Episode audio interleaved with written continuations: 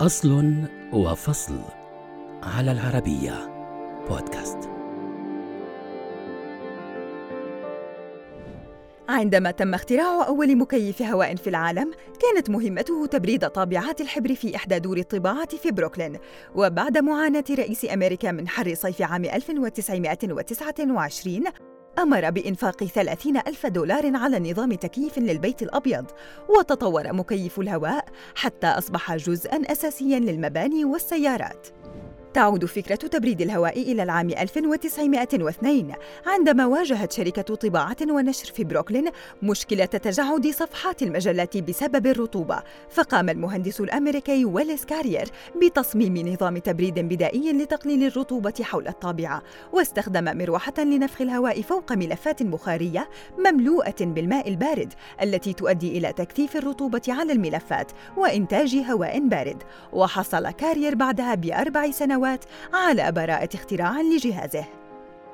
وفي عام 1906 أتى مهندس أمريكي آخر واسمه ستيوارت كريمر كان يعمل في مصنع للنسيج وصنع جهاز تهوية يضيف بخار الماء إلى هواء المصنع وكان كريمر أول من أطلق على هذه العملية اسم تكييف الهواء وانتقل التكييف بعدها بأربع سنوات إلى المباني السكنية عندما تم تكييف قصر في مينيابوليس وكان يبلغ ارتفاع نظام تكييف الهواء آنذاك مترين ونصف المتر وعرضه مترين وطوله أكثر من ستة أمتار ونصف المتر.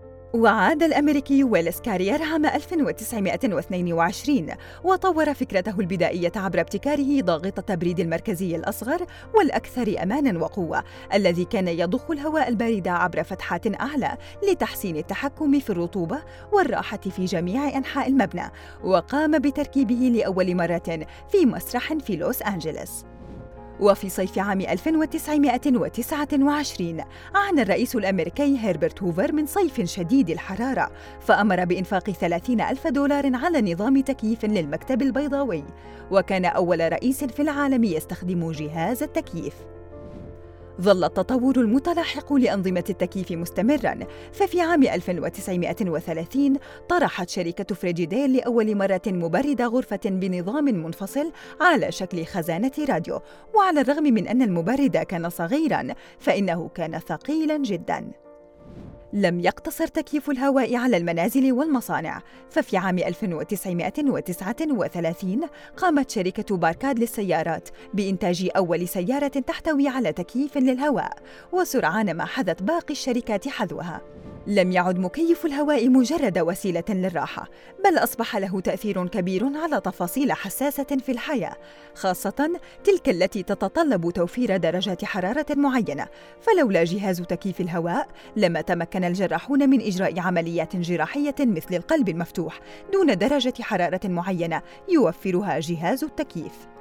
أصبح الطلب على شراء مكيفات الهواء في تزايد فقد بيع في عام 1946 أكثر من 30 ألف جهاز تكييف وتجاوز في عام 1953 المليون جهاز.